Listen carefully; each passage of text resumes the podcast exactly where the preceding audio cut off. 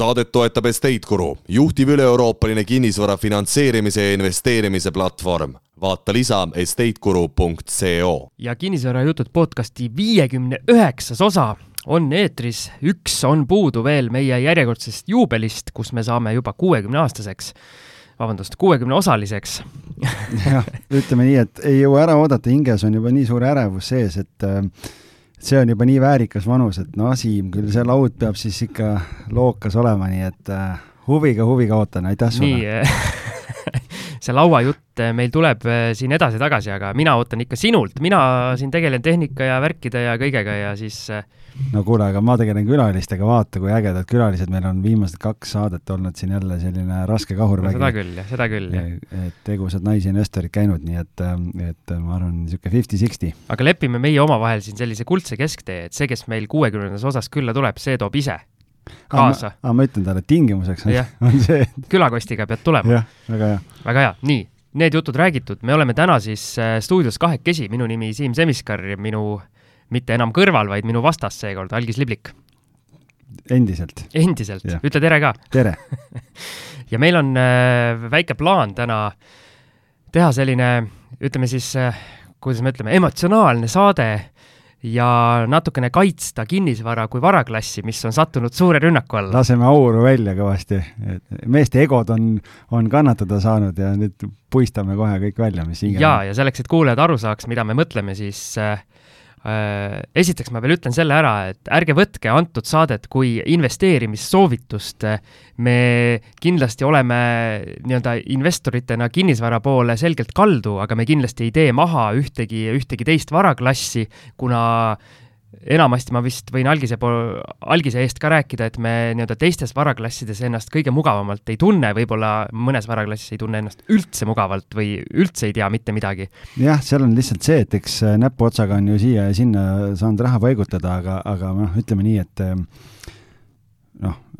normaalne on see, et kui sa väga nagu mingis valdkonnas matsu ei jaga, on ju siis sa nagu väga kõva häälega suud lahti ei tee, sest muidu võib väga rumal välja paista. just, ja meie teeme suu seetõttu lahti, kuna meie arvates äh, nii-öelda tehakse natukene kinnisvarale liiga just äh, investorite poolt, kes äh, igapäevaselt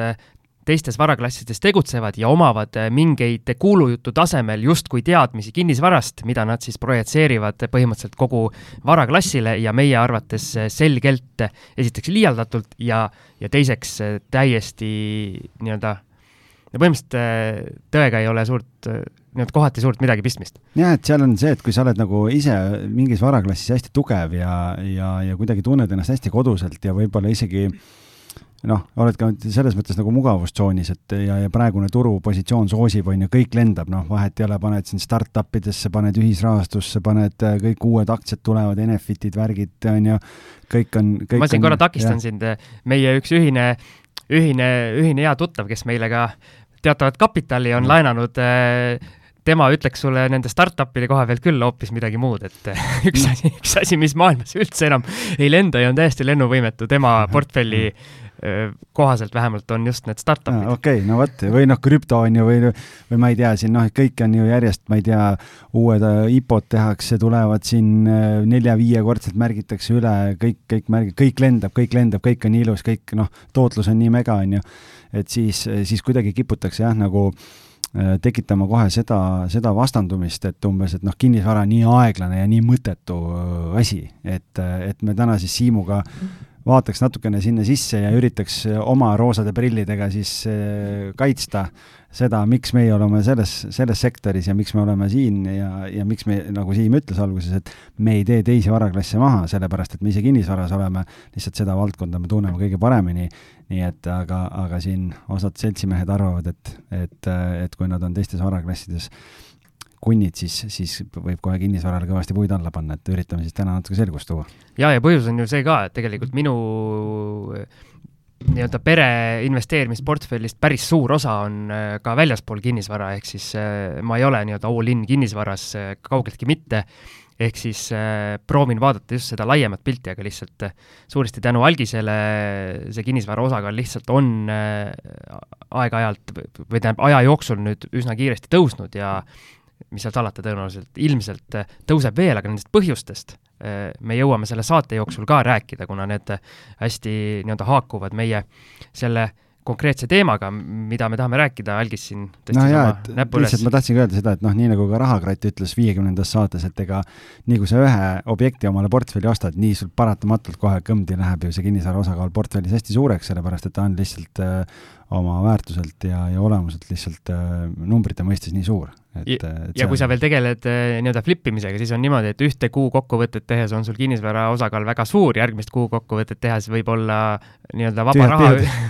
vaba raha osakaal väga suur, et Just. Äh, see on vastavalt situatsioonile ka, aga ajend, miks me sellist äh, loodetavasti emotsionaalset saadet ette võtsime, oli see, et mina aeg-ajalt käin kiibitsemas ja lugemas sellist kohta nagu kuulus LHV Foorum. ma ise seal kunagi sõna võtnud ei ole, aga mulle meeldib ikkagi neid eh, nii-öelda teemasid seal jälgida, kunagi sai sealt päris häid eh, nii-öelda aktsiainformatsiooni ja seal on nii-öelda kaks eh, Foorumi poolt, et üks on investeerimine, kus ütleme nii, et võib vist öelda, et vanasti oli väga-väga nii-öelda sisukas sisukas lugemine aja jooksul seal kipub ka ikka päris käest ära nüüd olema läinud ja teine pool on vaba teema. ja seal vaba teemas on selline tore teema nagu kinnisvaraturu tipu ennustamine, kus on juba peaaegu neli tuhat postitust ja kui ma nüüd,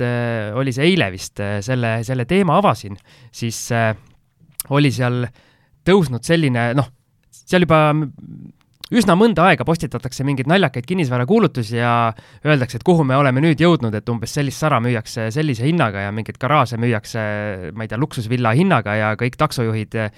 on investeerimas ja kõik ostavad endale üüri, üüriobjekte kokku ja nagu see nii-öelda suur narratiiv praegu tundub olevat siin tõusval turul, mis ei ole üdini vale kindlasti, seal on palju ka tõtt sees, aga noh, need on need äärmused, et ka ei saa olla ka niimoodi, et meil on turg superheas korras või siis, või siis teine äärmus, et meil on kõik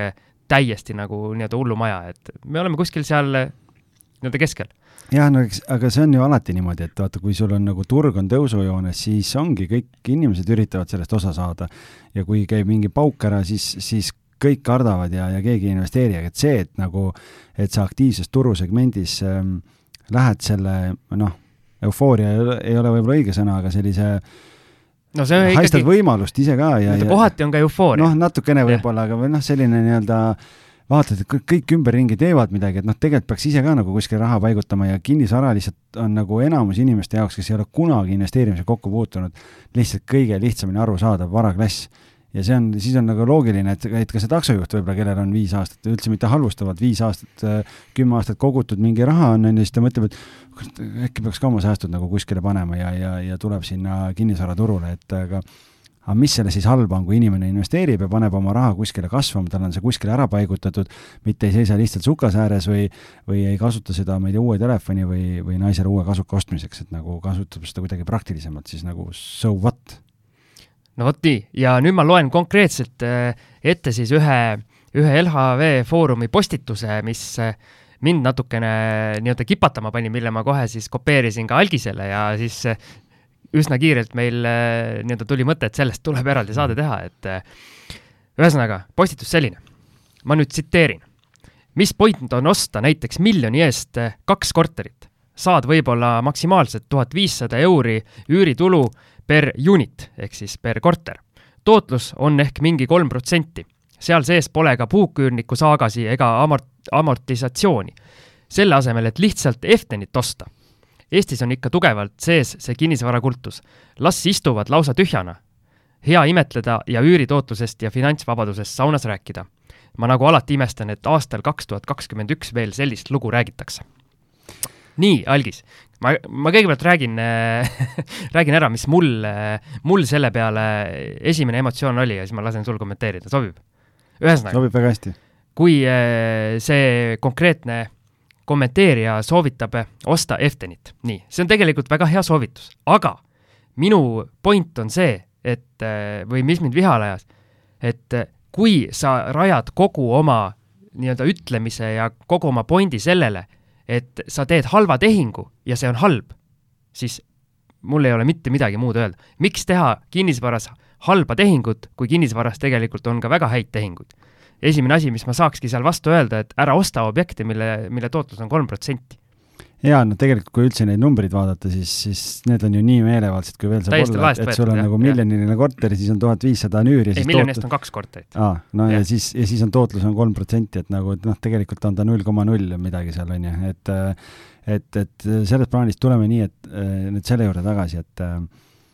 osta tasub ikka seda nagu, et ega kinnisvarasse investeerimine, nii nagu igasse teise varaklassi investeerimine, eeldab ikkagi väga põhjalikku kodutööd ära ja, ja nii nagu ka meil on erinevad külalised siin saadetes käinud rääkinud, on ju, kes soovitab kümme, kes soovitab sada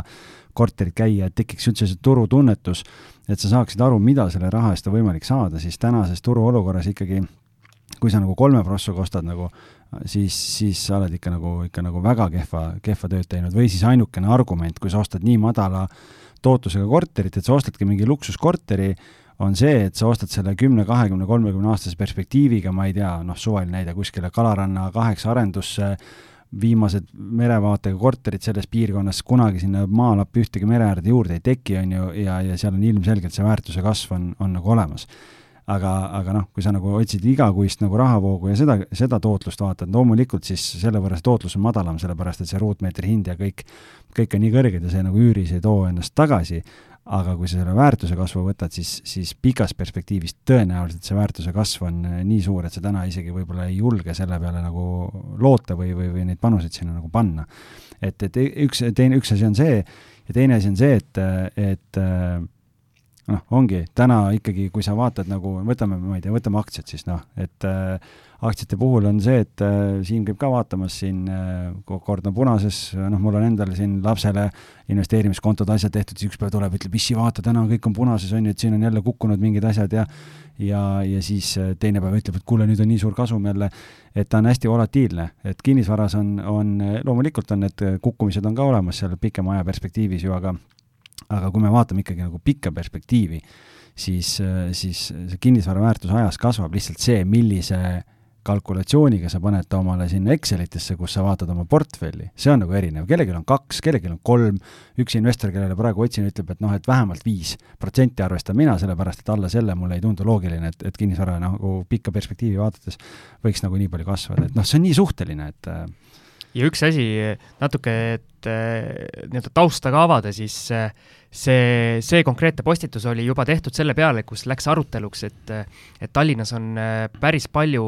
korterid kokku ostetud inimeste poolt, kes seal ise sees ei ela ja ei üüri ka välja, ehk siis aga see ei ole enam investeerimine, see on raha paigutamine. jaa, sa paigutad lihtsalt ära kuskile, ta on sul olemas, sul on kindel väärtus sellel varal küljes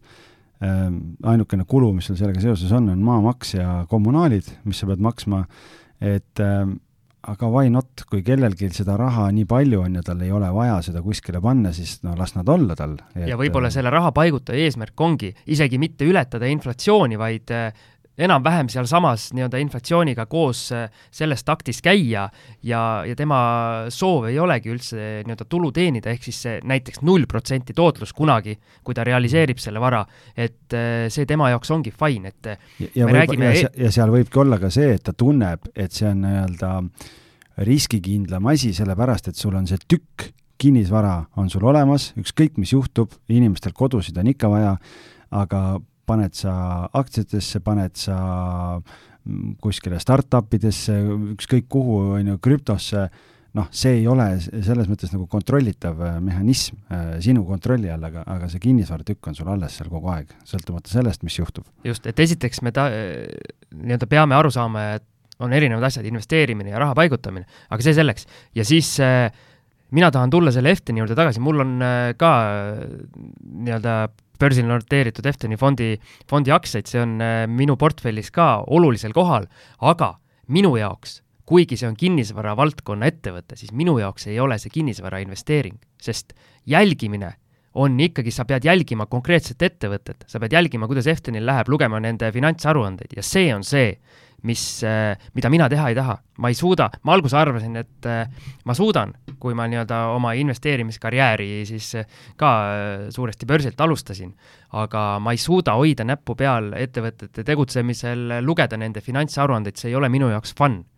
kinnisvara minu jaoks on see, mis paneb nagu silma särama, nagu meil kõikidel külalistel, kes meil siin mikrofoni taga käinud on, ja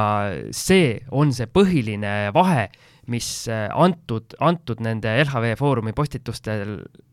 postituste tegijatel jääb täiesti kahe silma vahele, sest nemad, vastupidi, tundub, et on aktsiainimesed. Neil ei pane kinnisvara silma särama. ja kui sul kinnisvara ei pane silma särama, siis loomulikult sinu jaoks on suur häda see, kui üürnik helistab sulle, et näed, et äh, mul läks äh, mingi asi umbe ja, ja midagi on halvasti või see, et sa pead üldse üürnikku otsima ja see, et sa, et sa pead üldse notarisse minema objekti otsima.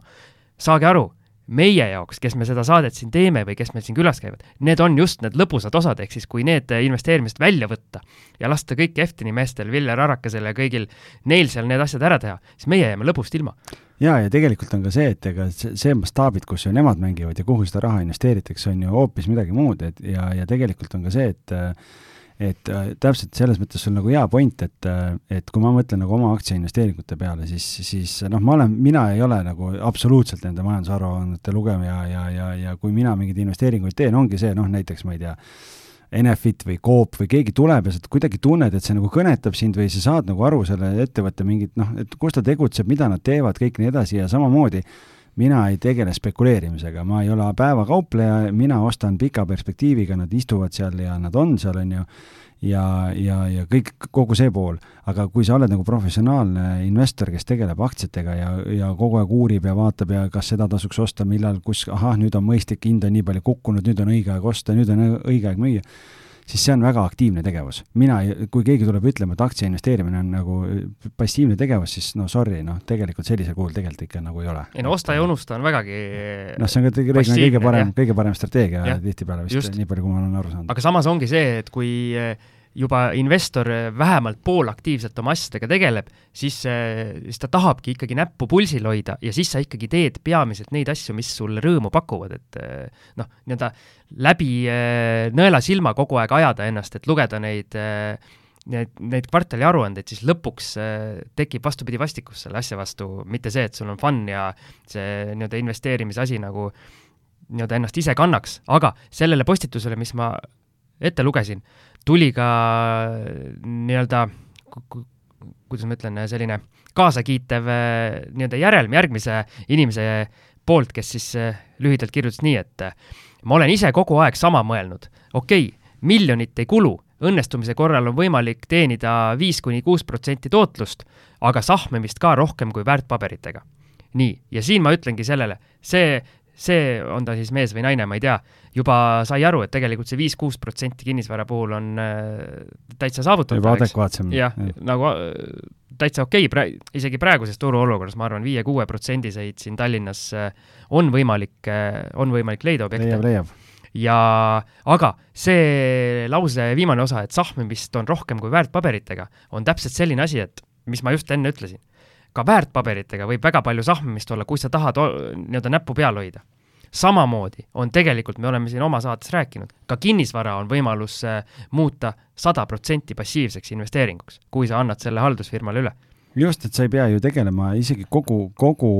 äh, ostuprotsessid, asjad kõik, noh, kui ma ju investoritega töötan, inimene ütleb, mul on sada tuhat, ole hea, leia mulle korter. Ma otsin talle korterid välja, pakun välja, me käime koos, vaatame ära, mõni on isegi niimoodi, ütleb, et tead, ma usaldan sind, on ju, et äh, vali mulle kolm või viis tükki välja, mine käi vaata ära ja ütle mulle, milline kõige parem on ja siis lähme vaatame seda, on ju ja me oleme siin saates no, ju rääkinud, kuidas Algis ostab kortereid investoritele viieteistkümne kaupa. kas need inimesed äh, tõesti arvavad, et need investorid äh, tulevad uusarenduste korteritesse kõikidesse viieteistkümnesse, astavad, hakkavad ükshaaval neid sisustama ja välja üürima? ei ole ju, need inimesed äh, annavad, annavad kapitali, ütlevad, mida nad tahavad, ütlevad jah-sõna ja ongi ja, kogu ja teema. ja seal on ka see, see sõltub jälle usalduse määrast, aga seal on ka, ka niimoodi, et noh, okei okay,, siis tehakse notar ära, täna jube aktiivne tegevus, kodus võtad arvuti lahti logid e-notarisse sisse, notar loeb sulle lepingu ette, sa noogutad ainult kaasa, ütled, et jah, kõik sobib, ühe pangaülekande oled pidanud tegema enne, et äh, maksta, maksta notari deposiiti vajalik summa ära, okei okay,, kui sul on äh, pangalaen juurde võtta, noh, siis on nagu teine asi, aga siin on, me räägime juba võimendusest, et noh, aktsiate puhul, kui me räägime ikkagi raha investeerimisest, kellelgi on kapital olemas, siis on ka see variant võimalik. ma olen ka nii käinud notaris, et mulle tehakse volitus ma lähen teen tehingud, asjad ära, mina esindan investorit tehingus, äh, saame korteri kätte, võtame valduse vastu, sisustame ära, üürime välja, tema, ta ei tee mitte ühtegi liigutust. okei okay,, ainult rahade, rahade liikumine on, on ju. ja, ja kui me oleme kalkulatsioonid ära teinud ja, ja see korter on meil haldus, siis me, me vastutame nende, selle tulemuse eest ka, et et vastasel korral lihtsalt mul väga pikaks ajaks tööd ei ole, on ju, ühe korra, ühe korra nagu siis me saame tihemini saadet hakata lindistama. Jah, et tegelikult ja kus see, kus see aktiivsus seal siis on, et see aktiivsus on siis, kui sa oled äh, nagu Siim, et sa tahad õppida, sa tahad teha, sa tahad kogeda ja, ja saada neid kogemusi, aga seda ei ole vaja teha. Just, ja me üldsegi ju ei väida, et näiteks nagu sa minu tõid või meie enamus külalisi, kes ka kõik ju aktiivselt põhimõtteliselt noh, enamus on ise. ja Hunt Kriimsilma üheksa ametit on ära proovinud, mis seoses kinnisvaraga saab olla, siis äh, seal jääbki paljudele inimestele arusaamatuks see nii-öelda fun'i moment, et me ise tahame seda teha.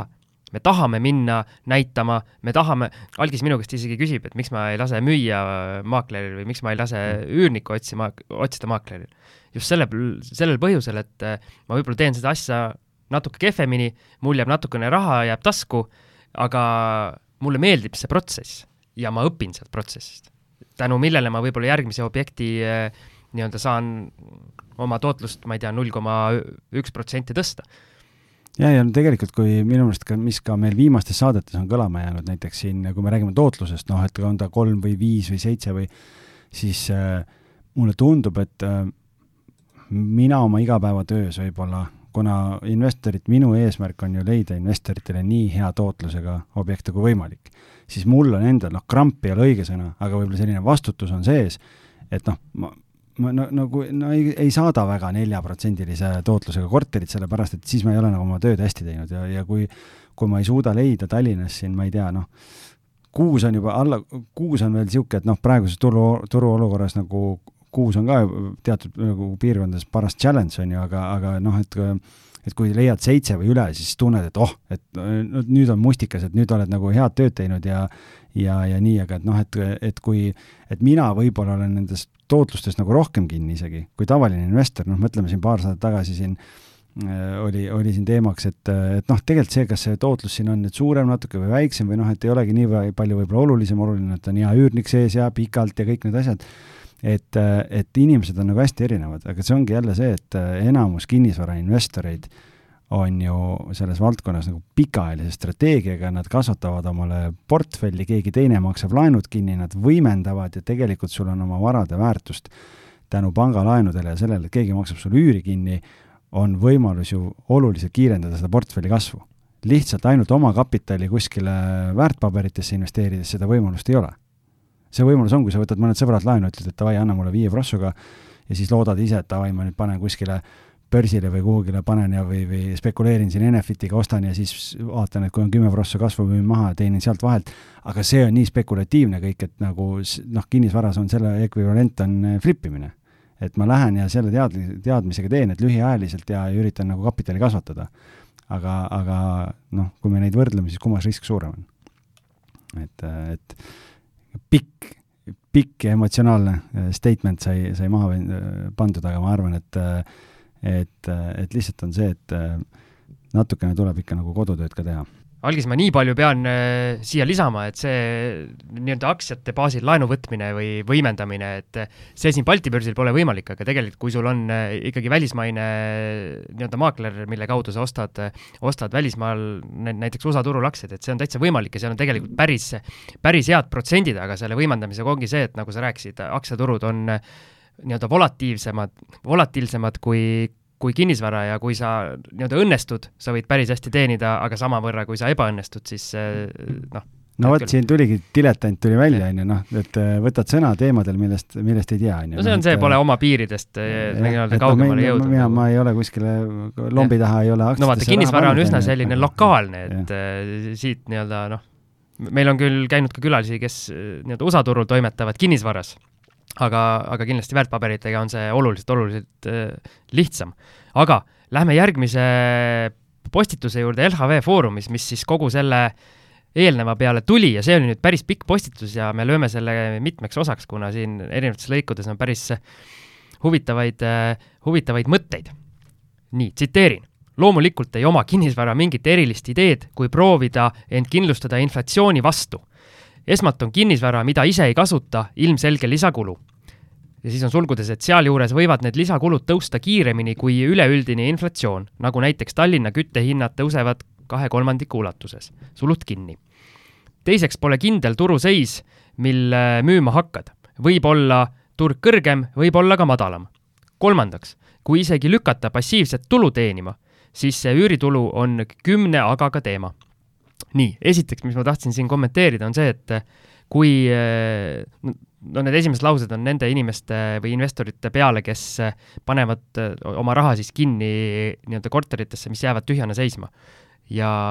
ja seal ongi see nii-öelda erinevus, selle investori jaoks ongi see raha paigutusefekt. jah, et see ei ole klassikaline kinnisvarasse investeerimine, see on raha paigutamine, investeerimine on ikkagi see, kui sa noh, okei okay,, siin on jälle, kuidas me nii-öelda defineerime sõna investeerimine, et sa investeerid mingisse varaklassi, sa paned selle raha siin ära, see, kas sa paned ta raha ka tootma omakorda või ei pane, see noh, see juba nüüd sõltub sellest, sest kui sul on ju üürnikku paned sisse, siis ükskõik, millised kulud sul kasvavad, üürnik maksab kinni, sest üürnik maksab kommunaali aga noh, see inimene tõenäoliselt ei ole kunagi ühtegi korterit välja üürinud, sellepärast tal puudub ikka elementaarne arusaam, kuidas see asi käib. ja mina võrdleks natukene neid kahte asja, ka aktsiate puhul on nii-öelda kasvuaktsiad ja dividendiaktsiad. samamoodi sa võid osta kasvuaktsia ettevõtte näol, mis äh, mitte kunagi dividende ei maksa, aga annab lootust, et äh, nende nii-öelda väärtus ajas kasvab ja sa saad tulevikus äh, sellesama väärtpaberi kallimalt maha müüa. samamoodi need korteripaigutused ütleme nii, et teadlik äh, investor ei tee neid ka suvaliselt, et ma ostan suvalisse majja suvalise korteri, vaid tehakse samamoodi ikkagi teadlikult, kus äh, võimalust nagu kasvuaktsiaga tulevikus see korter isegi peale kõiki neid kommunaale ja neid hoidmiskulusid äh, ära makstes teenida sealt selline, selline tulu, mis tema jaoks antud momendil on atraktiivne, näiteks kui inimesel on vaja paigutada, ma ei tea, kümme miljonit eurot ära, siis äh, osta näiteks miljoni eest äh, siin Tallinnas kinnisvara, meie jaoks tundub see nagu väga suur number, aga selle inimese jaoks on see kümme protsenti sellest ära paigutatavast rahast ja see on nii-öelda üks osa, kus ta selle paneb. jah, ja tegelikult äh, kui sa nende selle kor-, korteritesse raha paigutamise peale mõtled, siis on ka see, et reeglina, kui sul on äh, noh, tuleme tagasi selle esimese punkti juurde, et noh, ostad siin milli eest kaks korterit, on ju, siis ära ei tasu unustada seda, et reeglina need inimesed, kui sa nii sellises mahus ostad, siis sa saad ostmisel väikese allahindluse ka. ehk siis sa oled juba alguses võidus? juba võidad mõned protsendid, aga see nagu koheselt ju niimoodi otse kohe ei kajastu, on ju. aga, aga sa tead ise, et sa oled juba sealt saanud oma raha teatavad mingi, mingi nagu väärtuse kasvu oled nagu peale saanud et seda ei tohi ära unustada ühest küljest ja teisest küljest jah, ma olen nagu, täpselt nagu Siim ütles, et kui keegi tahab kümme miljonit paigutada või, või ostab viisteist korterit korraga või või noh, kinnisvaras ka ikkagi raha tehakse ostes, me oleme seda ju hästi palju rääkinud, et et nii nagu aktsiaturgudel sa üritad äh, leida, ajastada, ajatada turgu või kuidagi aru saada, kus, mis on need õiged hetked, kus nagu siseneda, kus müüa no,. kõige parem hetk on see, et sa ei hakka midagi ajatama, vaid lihtsalt teed ja, teed ja hoiad, seda müü, soovitavad. ostan, müün ja kahetsema muidu, et et, et, et siin on, selles mõttes on ju äh, noh, kinnisvaras on jah, et, et väga palju on kindlasti ka neid, kes tegelikult ei vaata, nad vaatavad asukohta, vaatavad arendust, vaatavad arhitektuuri, mingeid muid eh, emotsionaalseid väärtusi, keegi hindab väga vana linna, on ju, ja näeb, et mingi ilus korter on ja, ja kui sa nagu laenuga ka ei osta veel, siis, siis ostetakse seda emotsiooni võib-olla nagu rohkem. Ja nendel inimestel, kui sul on, kui sul on nagu hästi palju raha, siis ma arvan, et seal ei aetagi iga, iga senti nagu lõhki, aga kui me tuleme nüüd nagu väikese investori juurde, kes on kolmkümmend tuhat, viiskümmend tuhat, seitsekümmend, sada tuhat, noh, siis mida väiksemaks summad lähevad, reeglina seda rohkem näpuga järge aetakse selles, et kuhu sa paigutad, kuidas, millise hinnaga sa kätte saad, kas see tootlus on seal kolm või viis protsenti või nii edasi, sellepärast et kui sa paned oma raha lihtsalt kinni seisma, siis, siis enamus selliste inimeste jaoks tundub see tootlus ka võib-olla väike, millest need härrased või, või, või prouad seal rääkinud on. ja siin me ilmselt äh, mõlemad nõustume, et me üldse ei väida, et kinnisvarasse ei ole võimalik nii-öelda võimalik halba rahapaigutust teha, muidugi on ja, ja tehaksegi ja on tehtud kogu aeg ja tehakse edaspidi ka. see ei ole üldse meie mõte, et nüüd ükskõik, mis, mis kinnisvara sa ostad, et igal juhul on hea diil, vastupidi, väga palju halbe tehinguid tehakse, aga tehiks, nii-öelda tehakse kõikides, kõikides erinevates varaklassides, see ei ole nüüd mingi kinnisvara nii-öelda põhine, lihtsalt samamoodi investor, kui ta kuskile oma raha paigutab, tal tuleb see asi läbi mõelda, aga meie hinnangul ikkagi esiteks volatiilsus on väiksem ja teiseks ma, ma arvan küll, et aktsiaturuga võrreldes või rääkimata siis mingist ühisrahastusest või krüpto,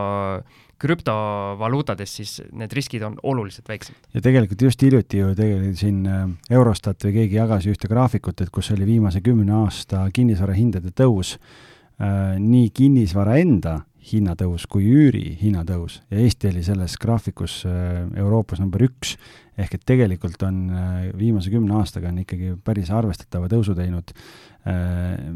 mõlemad hinnad, et ja, ja see tootlus ei ole üldse olnud kehva, jah, praegu me oleme jõudnud sellisesse punkti, kus on olnud tootluse mõistes nagu paremaid aegu, aga jällegi teistpidi on jälle see, et, et me oleme Siimuga siin ju ka erinevates saadetes rääkinud, et et näed, oleks pool aastat korteri müügiga oodanud, on ju, oleks sealt teeninud jälle suurema, noh, et see on niisugune nokk kinni, saba lahti natukene, et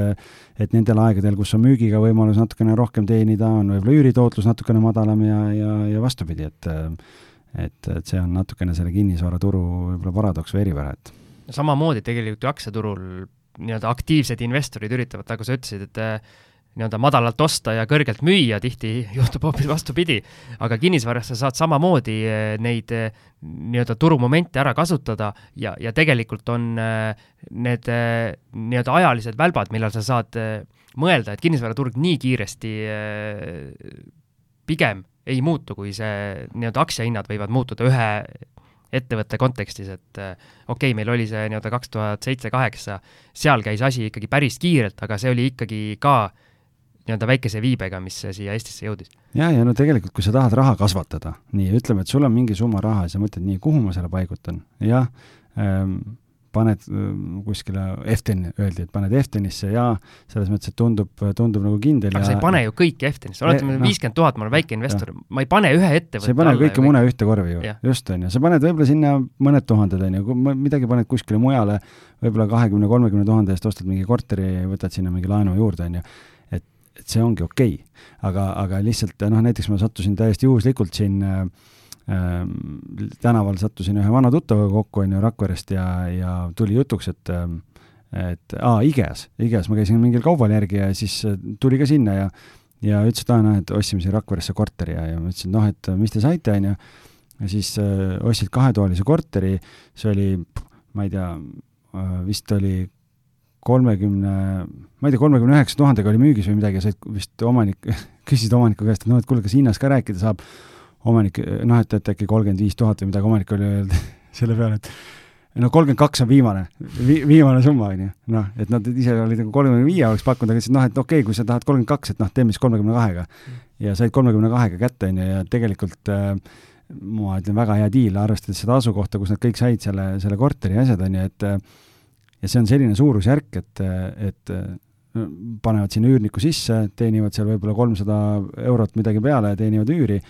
sul on kümneprotsendine tootlus, on ju, ja aga, noh, aga see ongi see, et, et kui sa tegeled kinnisvarasse investeerimisega ja sa oled nii-öelda tavaline investor, kelle me, kellega me oma saadetes siin hästi palju räägime, ega sa ei tee ju neid tehinguid nii palju, vaid siis ongi see, et, et seal on õnne vaja ja joppamist ja kodutööd ja kõike on vaja ja kui need asjad nagu kokku jooksevad, siis on tegelikult ju võimalus väga head väga head ja stabiilset ja pikaajalist investeeringut saada. jah, kui sa ei satu just mingi puuküürniku otsa, mis, mille tõenäosus tegelikult on ju väike. tõenäosus on umbes sama suur äh, kui see, et tuleb koroonakriis ja näiteks Tallinki aktsiad kukuvad ribadeks selle peale. jah, äh, jah, või, või et äh, olümpiku, olümpik ostetakse niimoodi üle, et investorid jäävad pika ninaga kõik, on ju, et noh. et tõsi on see, et väikeinvestori vaatekohast kui me räägimegi portfellist siin ütleme, ma ei tea, viiekohaline portfell kuni sada tuhat, siis see üks kinnisvaraobjekti ost võib automaatselt, nagu me alguses ka rääkisime, selle portfelli tasakaalu väga paigast ära lüüa. aga see kinnisvara puhul, kui sa tahad ikkagi otse omad, omada, mitte läbi börsiettevõtete kinnisvara, siis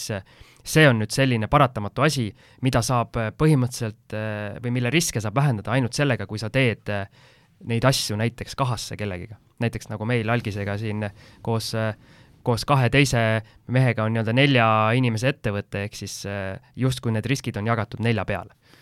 Ja et sa ei pane ainult oma, oma raha, vaid, vaid jah, et natukene, et sa oled mingis suuremas asjas nagu väikese osaga sees, mitte see, et sa lähed sada protsenti all in ise, et aga kui sa ise ostad, siis see on nagu paratamatu, et äh, nii-öelda portfelli osakaalud ühe objektiga lähevad väikeinvestoril paigast ära. just, aga noh, et kui me tuleme selle tootluse või selle kasvu juurde tagasi, siis täna on ikkagi ju see, et äh, okei okay,, praegu siin rahatrükk ja kõik asjad ja noh, see on jälle selline asi, et äh, et me me täna ei tea, kuhu see kõik välja viib ja millal see lõpeb, millal ta ei lõpe, millal, kust need turud kukkuma hakkavad, nii edasi ja täpselt, kui sa oled selline keskmine ma-, suvaline Mati Mustamäelt, on ju, ja tahad hakata investeerima, siis Mati siis, teeb comeback'i saates. siis jah, Matist pole ammu juttu olnud, et sa lähed, et noh, nii, okei okay,, ma pa-, paneks aktsiatesse, on ju, noh, et kõik räägivad, et niimoodi kasvab, kasvab, kasvab, kasvab, on ju, ja kui sa siis jäädki see, et noh, panen ja hoian, aga aasta või kahe pärast, ma ei tea, rahatrükk lõpeb ära, mis iganes juhtub siin, koroona seitsmendad, kümnendad, kolmekümnendad lained, asjad, mingil hetkel majandus kukub äh, kummuli ja sa oled hoidnud ja sa tahad seda raha realiseerida ja sul on seda vaja ja siis sult vaatab vastu punane ja, ja tegelikult sul on sealt võib-olla kolmkümmend või viiskümmend protsenti on läinud, siis jaa, kinnisvara hindades võib see samamoodi olla, aga võib-olla noh, sa oled teeninud mingi, mõned tuhanded eurod oled teeninud äh, siin üüriga vahepeal ja, ja teistpidi on see, et kui sul nagu on vaja seda, seda raha realiseerida, siis või, või saada, siis jaa, kinnisvaraga sa võid samamoodi kaotada, aga tavaliselt kinnisvaras tuleb see viibega, et, et enne need laksud tulevad nagu muudes sektorites, tulevad koheselt, ettevõtteid ja kõiki selliseid asju puudutavad, aga, aga kinnisvaras on ta natukene inertsem, sellepärast et, et vähemalt siiamaani ajalugu on näidanud, et on. et seal on jälle selle võrra need riskid on rohkem maandatud et kui sa näed, et mujal hakkab hapuks minema ja siis otsustad müüma hakata, võib-olla saad veel õigel ajal müüdud, enne kui täitsa, täitsa kummuli läheb. ja siis oli seal äh, selles minu ette loetud tsitaadis selline lause, et, et teiseks pole kindel turuseis äh, hetkel, mil müüma hakkad, võib olla kõrgem, võib olla madalam. aga mina tahan siit, siit küsida, et äh, öelge investeerimisel üks varaklass, kus äh, turgude kõikumist ei ole ja sa nii-öelda madalseisus ei või kahjumit kanda. ma täna ostan ja ma tean, et järgmine kevad on kõrgem. ma tahaks, ma tahaks sinna investeerida. ja üks asi on varaklass tervikuna, aga teine asi on nagu, see ju sõltub igast ettevõttest eraldi, kelle, mille aktsiat sa ostad nagu. okei okay,, kui sa paned kuskile fondidesse, mis, mis koondab, ma ei tea, mingit äh, äh top viitesadat tehnoloogiaettevõtet või midagi, on ju, et, et noh, seal üks kukub, teine aga, aga, aga noh, ütleme, et see on jälle, see on natukene jälle samm edasi, et äh, milliseid fonde valida ja, ja kõik see pool. ja see jutt, mis sa rääkisid, äh, et kui on vaja turu nii-öelda kukkumisel müüa, siis äh, minu, minu tagasihoidlikul hinnangul, näiteks kui me võtame Mati Mustamäelt ja tal on nüüd kaks soovitust, et ta, Mati paneb oma elusäästud viiskümmend tuhat näiteks, paneb aktsiaturule ja viiskümmend tuhat või siis paneb viiskümmend tuhat, ostab endale üürikorteri, nii ja kui nüüd eh, mingi litakas käib eh, näiteks majanduses, kõik kukub, nagu meil kaks tuhat seitse, kaks tuhat kaheksa oli. oled rahast ilma. nii, siis äh, Mati, kes ei ole mitte kunagi ühegi ettevõtte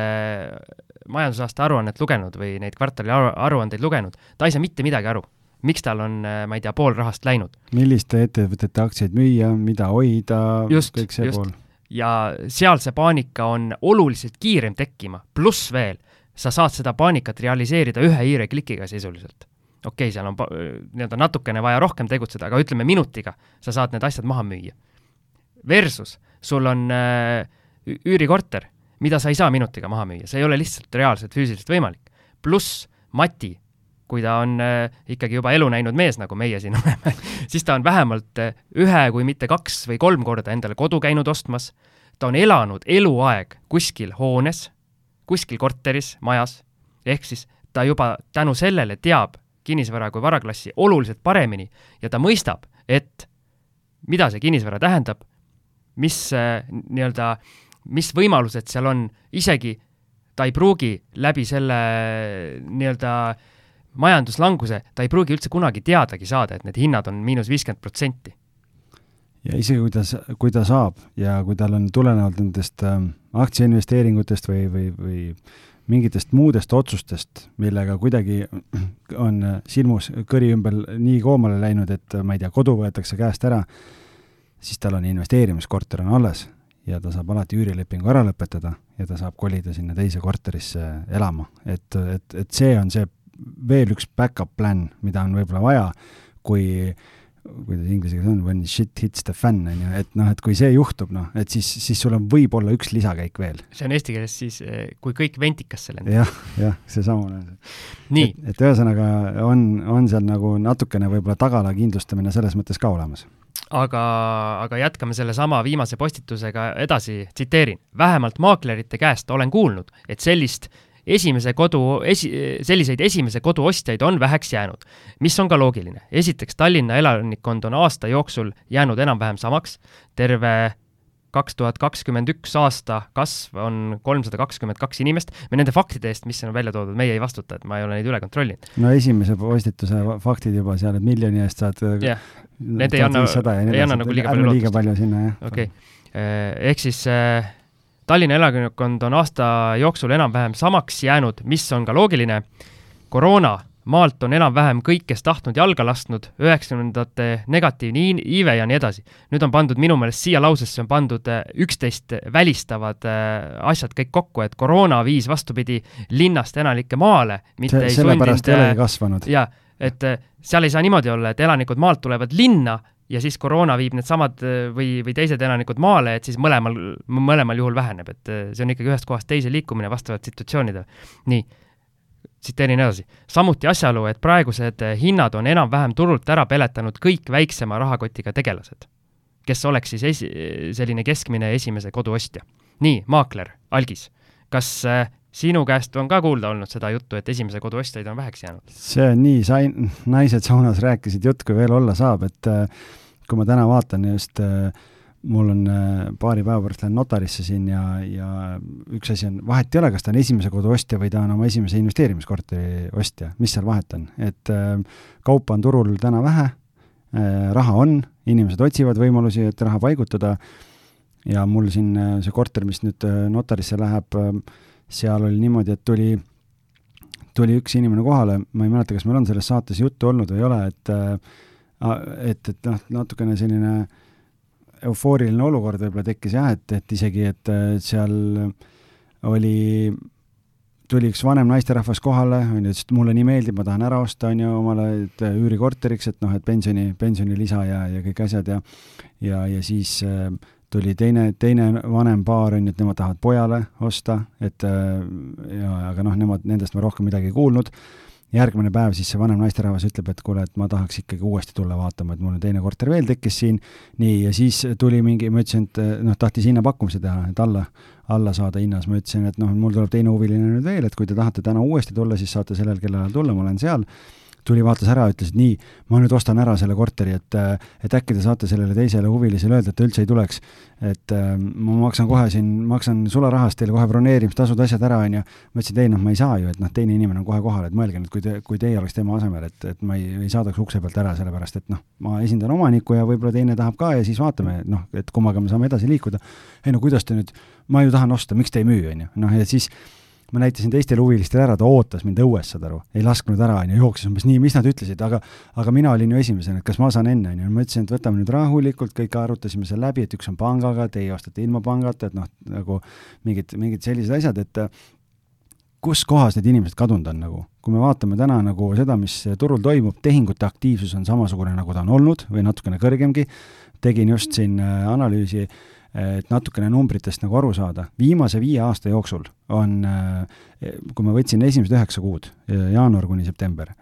viimase viie aasta jooksul on eh, igal aastal esimese üheksa kuuga müüdud üle seitsme tuhande korteri Tallinnas. ainukene erand oli eelmine aasta, kui koroona tuli, kui oli kuus tuhat. sellel aastal üheksa kuuga müüdi peaaegu seitse tuhat, seitse tuhat kuussada korterit. ehk keskmiselt viiskümmend korterit rohkem kuus, kui, kui me võtame, jagame kuude peale ära, kui tavaliselt on. et noh, see näitab seda kasvu, et teatud kasv on olemas, kas on buum või ei ole, noh, las igaüks otsustab ise, aga kuidas saab keegi väita või naised saunas rääkida või maaklerid, et maaklerid kuskil ütlesid, et, et koduostjad on ära kadunud, aga mis seal vahet on? jaa, seal on teatud mõistes see, see loogika on nagu taga olemas, et kui me vaatame nüüd seda, et kui palju on nii-öelda seda kakskümmend, kakskümmend kuni kolmkümmend vanuses inimest, siis tegelikult seal peale üheksakümnendaid see sündimus oli väiksem ja siin jääb, jääb neid inimesi nagu järjest vähemaks. ja seal tekib, tekib arvestatav auk demograafiliselt nagu sisse, et mingil hetkel see nõudluse nõudlus väheneb eh, koduostjate hulgas, aga teistpidi on jälle see, et kui inimestel raha on ja investeeritakse, siis turu dünaamika tervikuna täna ei kajasta seda, et kuskile ostjad kadunud oleks. et selles mõttes nagu ei ole vahet, kes ostab ju no see nii-öelda negatiivse iibe värk, et seda me veel näeme, kuidas see välja mängib, aga minu jaoks ebaloogiline seal lause, lausejadas, mis justkui kinnisvara kahjuks äh, räägib, on see, et tuuakse sisse koroona, mis minu meelest on vastupidi, äh, tõstnud seda nõudlust iga perele näiteks teise eluaseme järele, et no me oleme jah, enne ka ju rääkinud, ostetakse suvilaid, ostetakse esiteks minnakse nagu, väiksemalt pinnalt suuremale, et tekitada endale näiteks äh, nii-öelda koju tööruum. kodukontori ruum eraldi. teiseks minnakse nii-öelda teise elukohaga maale näiteks, et vastupidi, need pered, kes võib-olla mõtlesid, neil ei ole kunagi vaja teist kinnisvaraobjekti või suuremat kinnisvara, on äh, nüüd tänu koroonale selle sammu teinud jaa, et selles mõttes on jah, et statistikat kahjuks selle kohta vist ei ole, aga noh, et kui palju üks leibkond keskmiselt omab mitut, mitut nii-öelda pinda, et aga, aga noh, ära ei tasu siin ka unustada seda, et, et väga paljudel ei ole seda võimalust üldse ja elavadki üürikorteris ja, ja kuna kinnisvara hinnad äh, on üles läinud, üürihinnad on läinud üles, et äh, kui noh, selle saate salvestamise ajal siin praegu on, kui kogu aeg on tuhat, tuhat kakssada üürikorterit olnud, aasta tagasi oli kaks tuhat, kui koroona tuli, praegu on kaheksasada viiskümmend Tallinnas, noh, siis ilmselge on see, et, et üürikorterite hinnad lähevad ka üles, sest pakkumist on vähem, ja teine asi on see, et kui hinnad lähevad üles, siis väga palju on neid peresid tõesti, kes ei saagi osta, et nad on kogunud sissemaksuraha, aga kuna hinnad lähevad nii kiiresti eest ära, siis nad peavad olema edasi üürikates, sellepärast et lihtsalt ei, ei vea rahaliselt välja, et osta endale seda kodu. see loogika on seal õige taga, aga see ei tähenda, et nad kadunud on. ja see koroona, koroonapondist veel nii palju, et kui juba nii-öelda naised saunas jutuks läks, siis mina võin rääkida enda konkreetsest kogemusest, valim on küll üks, aga siiski näiteks see Vaida korter, mille ma, mille ma flip isin, seal äh, üks, äh, üks inimene ostis ära, kes esialgu pidi selle panema üürile aga nüüd, kui ma suhtlesin temaga pärast äh, kas kuu või kahe möödudes, äh, siis, siis ta ütles, et ta hoiab seda korterit hetkel tühjana, et vaatab, mis seis koroonaga saab olema et täpselt selline mõnus nii-öelda mugav pelgupaik, kuhu minna, kui mingi jama peaks tekkima, ehk siis, ehk siis täpselt see, mis seda pointi kinnitab, et pigem ostetaksegi endale lisakinnisvara äh, mida siis kasutada, kui kas on koroona jama, on vaja tööd kuskil teha endal, nii-öelda kaugtööd või, või mis iganes, et, et selliseid inimesi on. jah, ja noh, see, et, et ostjad on, isegi kui need koduostjad oleks turult ära kadunud, siis täna on ikkagi see, et et ka nii-öelda laojääk turul on väiksem, kui ta on ajalooliselt olnud, ehk et see tähendab seda, et kui pakkumist on vähem, see on ka põhjustanud natukene selle defitsiidi ja ja selle hinnapaanika ja, ja, ja kõik, kõik need asjad on ju, et, et siis tegelikult nagu äh, kui ostjaid on vähem ja teiselt poolt on pakkumist on vähem, siis turg on samas, selles mõttes on nagu tasakaalus endiselt, et, et see nagu ei, ei muuda seda pilti või kuidagi kinnisvara nagu vähem atraktiivseks. ja see Tallinna elanikkonna muutus see taandubki sellele, et asukoht, asukoht, asukoht on kinnisvara ostul kõige tähtsam. samamoodi sa ei osta suvalist, suvalise ettevõtte aktsiaid ja ei looda, et need hakkavad tõusma või sulle dividendi maksma, sa ikkagi uurid ja nii-öelda selle jaoks neid aruandeid puuritaksegi ja analüüse tehakse ja graafikuid vaadatakse. samamoodi kinnisvaras. sa ei osta mingit suvalist, nii-öelda suvalisse kohta, mis võib-olla viie aasta pärast maha lükatakse või seal ja Tallinn on ju nii suur, et noh, on mingid piirkonnad, mis on, on võib-olla natukene vähem atraktiivsed ja on need, kust, kus on täna tohutu nõudlus, noh et ma ei tea, siin Kalamajas andsin just kahe, kakskümmend euri ruutu, andsin kolmetoalise korteri välja, noh, nagu üürikorteri, et noh, näitab, et äh, on, on nagu nõudlust ja, ja seal piirkonnas pakkumist ei ole ja ja, ja tegelikult noh, tuleb lihtsalt äh, teada, kuhu osta, et ja endiselt kogu Eesti ei ole Tallinn ja selle puhul äh, mulle tundub, elades äh, ise Rae vallas, mis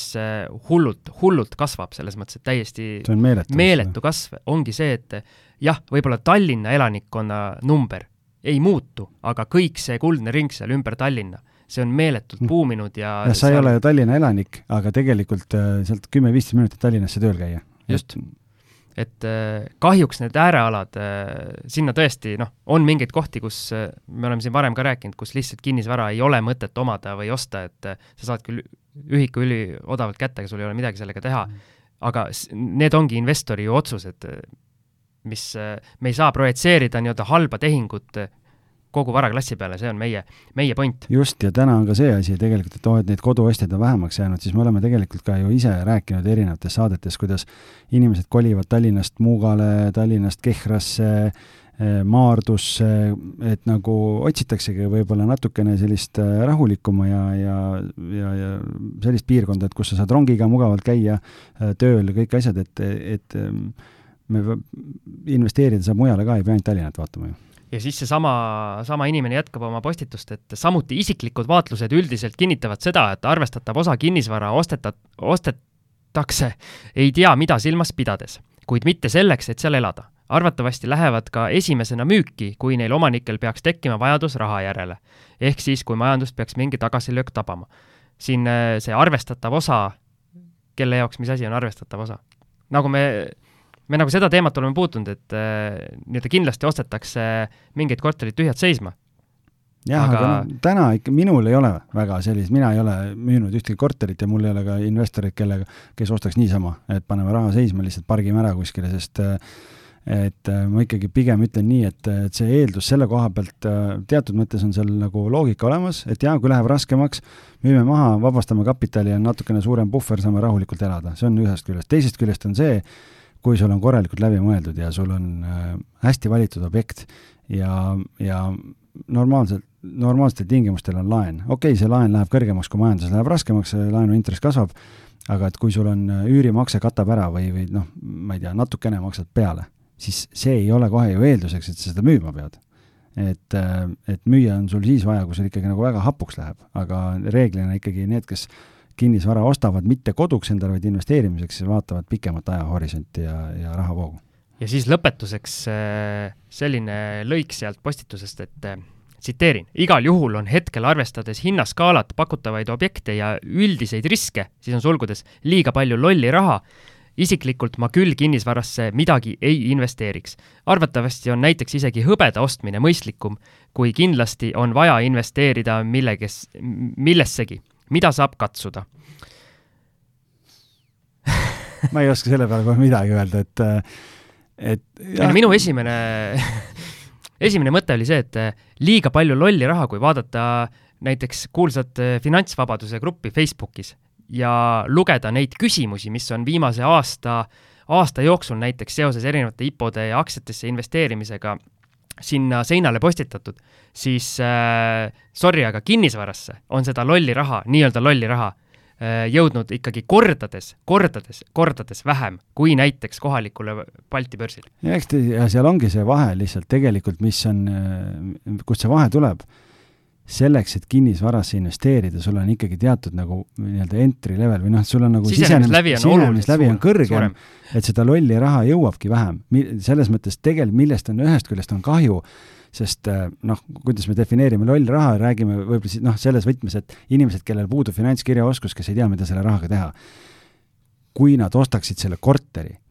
isegi kui sa paned väga mööda, nagu me oleme siin täna heietanud päris pikalt, siis sul see tükk kinnisvara on alles ja kui sa ei osta teda kuskile ähm, veel Assamaalast edasi kuskile metsade vahele, kus sul pole ühtegi kauplust, töökohta, ühistransporti, mitte midagi, seal selle vara väärtus ei kasva, keegi sinna üürida ei taha, mitte midagi, jah, see ei ole nagu tark otsus. aga kui sa ikkagi ostad ta sellisesse kohta, kus sa saad ta välja üürida, sul on kogu aeg rahavoog olemas, siis äh, noh, noh, väga mööda ei saa panna. sa saad mööda panna siis, kui sa valid kehva üürniku või teed taustakontrolli, ei tee lepinguid midagi ja, ja sellega nii-öelda seada oma investeeringu nagu ohtu. aga, aga selles plaanis, et, et see nagu, see natukene selles mõttes on jah kahju võib-olla, et, et sellest nii-öelda lollist rahast võiks saada tark raha, sellepärast et see on ära paigutatud ja ta on sul olemas seal, kui see, et sa lähed ja vaatad seal eufo-, eufooriliselt, et oh, ma panen sinna, tegelikult ise midagi aru ei saa, see on sama, nagu lähed ruletti mängima ja paned punast või musta ja siis vaatad, noh, kuidas välja tuleb, on ju. et, et, et see risk ja raha kaotada on, on ikkagi suurem rääkides näiteks ruletist ja võttes see viimane lause, see hõbedasse investeerimine, seda on isegi raske selles mõttes kommenteerida, et kui me räägime üürikorterist kui rahavooobjektist, siis äh, hõbedakang ei ole veel, ma arvan, mitte kellelegi kunagi üüridividende ega intressi ega mitte midagi no, see on see seisev korter. jah see on sama ju, ostad korteri, mis seisab, millest ja, loodad, et äh, siis hõbe või see seisev korter on tulevikus äh, nii-öelda kallim. et väärtus ajas kasvab lihtsalt ja,. jah, jah, see on see variant. aga põhimõtteliselt kui me räägime lollist rahast, siis näiteks kui mina selle asemel, et minna nii-öelda vaita järgmist korterit jahtima, paneks selle raha näiteks äh, kõik börsile või mis hullem, ma ei tea, sellest ruletist rääkides, jah, krüptoturule, siis mina oleks see loll raha seal. aga ma eeldan vähemalt seda saadet tehes äh, ja nii-öelda tarkusi kogudes, äh, siis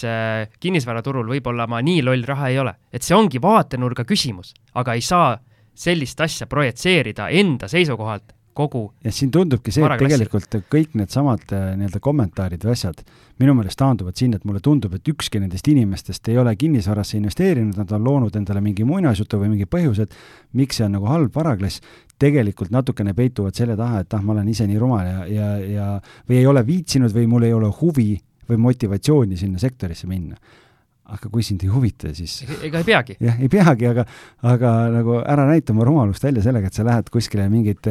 suvalisi postulaate nagu välja hõikama, et, et tegelikult nendest küsimustest endast, kui me oleme nüüd arutanud, siis sealt kumab kõikidest ju teatav vastuolu välja, et inimesed ei ole tegelikult enda jaoks seda nagu korralikult läbi mõelnud. ja minu jaoks äh, näiteks, kui needsamad kommentaatorid on siis ütleme siis börsiusku, minu jaoks võib kõigis nendes kommentaarides sisuliselt asendada kinnisvara, asendada näiteks aktsiatega või aktsiaturuga ja me saame täpselt vastupidise vaate. et sina lähed kommenteerima kinnisvarausku inimesena ja paned just, sellise kommentaari, vahetas sõnad ära? jah, ja, ja, ja oleks kõik täpselt samamoodi, justkui tunduks, et äh, oleks nagu ade-, nii-öelda adekvaatsed põhjused, et kui ma teen halva tehingu, et siis kinnisvara või tähendab, kogu nii-öelda aktsiaturg ongi halb, nii-öelda halbade asjade kogum, ei ole ju nii. ei ole jah, et, et selles mõttes on nagu noh, üldistada saabki ju alati, aga, aga kuna need meid mõlemad Siimuga nii kõvasti torkisid, et siis, siis mõtlesime, et teeks, laseks auru välja, et teeks ühe, teeks ühe sellise mm, kinnisvaraprillidega inimeste vastulause ja, ja, ja eks noh, selles mõttes, et äh, ma kutsuks üles siin meie kuulajaid, et, et kui te olete selle saate ära kuulanud ja ja, ja siis meie kinnisvarajuttude Facebooki grupis äh, avaldage arvamust, et, et äh, kuidas teie näete, kes on erinevatesse varaklassidesse investeerinud, miks, kui te olete pannud teistesse varaklassidesse, miks te olete pannud näiteks äh, ja, ja, ja või, või kui te veel ei ole täna kinnisvarasse investeerinud näiteks ja võtate hoogu, kuulate, uurite maad, miks te ei ole pannud, on ju, et äkki tekib mingi diskussioon ja vaatame siis, et, et milline see, noh, meil on küll väga kinnisvarausku inimesed seal, aga, aga et üritaks siis nagu aru saada, et, et mis need plussid ja miinused ja riskid ja kõik on, et tekiks selle saate väliselt veel täiendavat lisandväärtust äh, sinna juurde kui me millegagi väga mööda panime ja teie arvates ikkagi täiesti umbluud ajasime, siis julgelt kirjutage sellest ka, siis võib-olla saame ühe saate veel teha, kutsume teid stuudiosse ja teeme ühe korraliku eh, nii-öelda finantsfight'i ka siin. jaa, selles mõttes, et ega meie Siimuga ei pretendeeri kunagi absoluutsele tõele, meie jagasime lihtsalt täna oma seisukohta sellest, miks me nii suured kinnisvarafännid oleme ja ja, ja selleks jääme, nii et, et teised varaklassid on ka toredad, aga aga täna, täna need, need meie oleme oma valiku teinud suuresti. Need teised pruudid nii palju elevust ei tekita, kui see, see üks, see kinnisvara, mis meil täna on, nii et. ja, ja algisele lisades, ega kui meie jaoks need teised pruudid elevust ei tekita piisavalt, siis ega see ei tähenda, et et sinu jaoks, kes sa meid praegu kuulad, et just kinnisvara kõige õigem oleks, võib-olla ei ole. meie just. ei tea seda, sa pead ise sellest aimu saama ja jah, eks siin on täpselt noh, kellele ema, kellele tütar, igalühel oma, on ju, et, et ütleme nii, et sellepärast me seda saadet teeme ja, ja, ja kinnisvara usku külvame, nii et et, et saime nüüd auru välja lasta ja hakkas, hakkas kohe palju parem, Siim. jah, sest olgem ausad, investeerimisega kaasnevad riskid, need on igas, igas varaklassis, igas valdkonnas, nendest ei pääse ja ongi see, et eh, mida suurem teadlikkus, mida paremini sa tunned, mida rohkem sul silm särab seda asja tehes, seda rohkem sa suudad neid riske võimalikult madalaks maandada, seda paremaid tehinguid sa teed ja seda parem eh, investor sa oled, seda õnnelikum sa oled ja kõik nii edasi. sunniviisiliselt kedagi kuskile teise varaklassi investeerima või seda armastama panna ei saa, kuigi meie üritame seda teha no me üritame jah, aga vabatahtlikult sunniviisiliselt. jah. vot, on sul veel midagi öelda? ei ole, ma ütlen, et äh, aitäh kuulajatele, sellepärast et äh, ma olen ootusärevil, et äh, meil on juubelisaade tulemas järgmisel nädalal, äh, nii et Algis, kas sina tead, kes meil juubelisaates külla tuleb? mina näiteks ei tea. sa ei ole mulle öelnud veel? sa ei peagi teadma, et elus on üllatusi ka vaja, nii et, et ja ütle siis, et küll ma annan sulle teada, kui õige hetk koos toidulauaga paluks. jah, annan, annan info edasi aga tänud meie kuulajatele ja, ja kindlasti kommenteerige, proovime siis natukene mingitki disku-, diskussiooni äh, üles tõmmata sellel teemal. jaa, teeme nii ja tänud, Siim, et sa selle teema lauale tõid, nii et äh, väga põnev oli. jõudu ja tšau! tšau!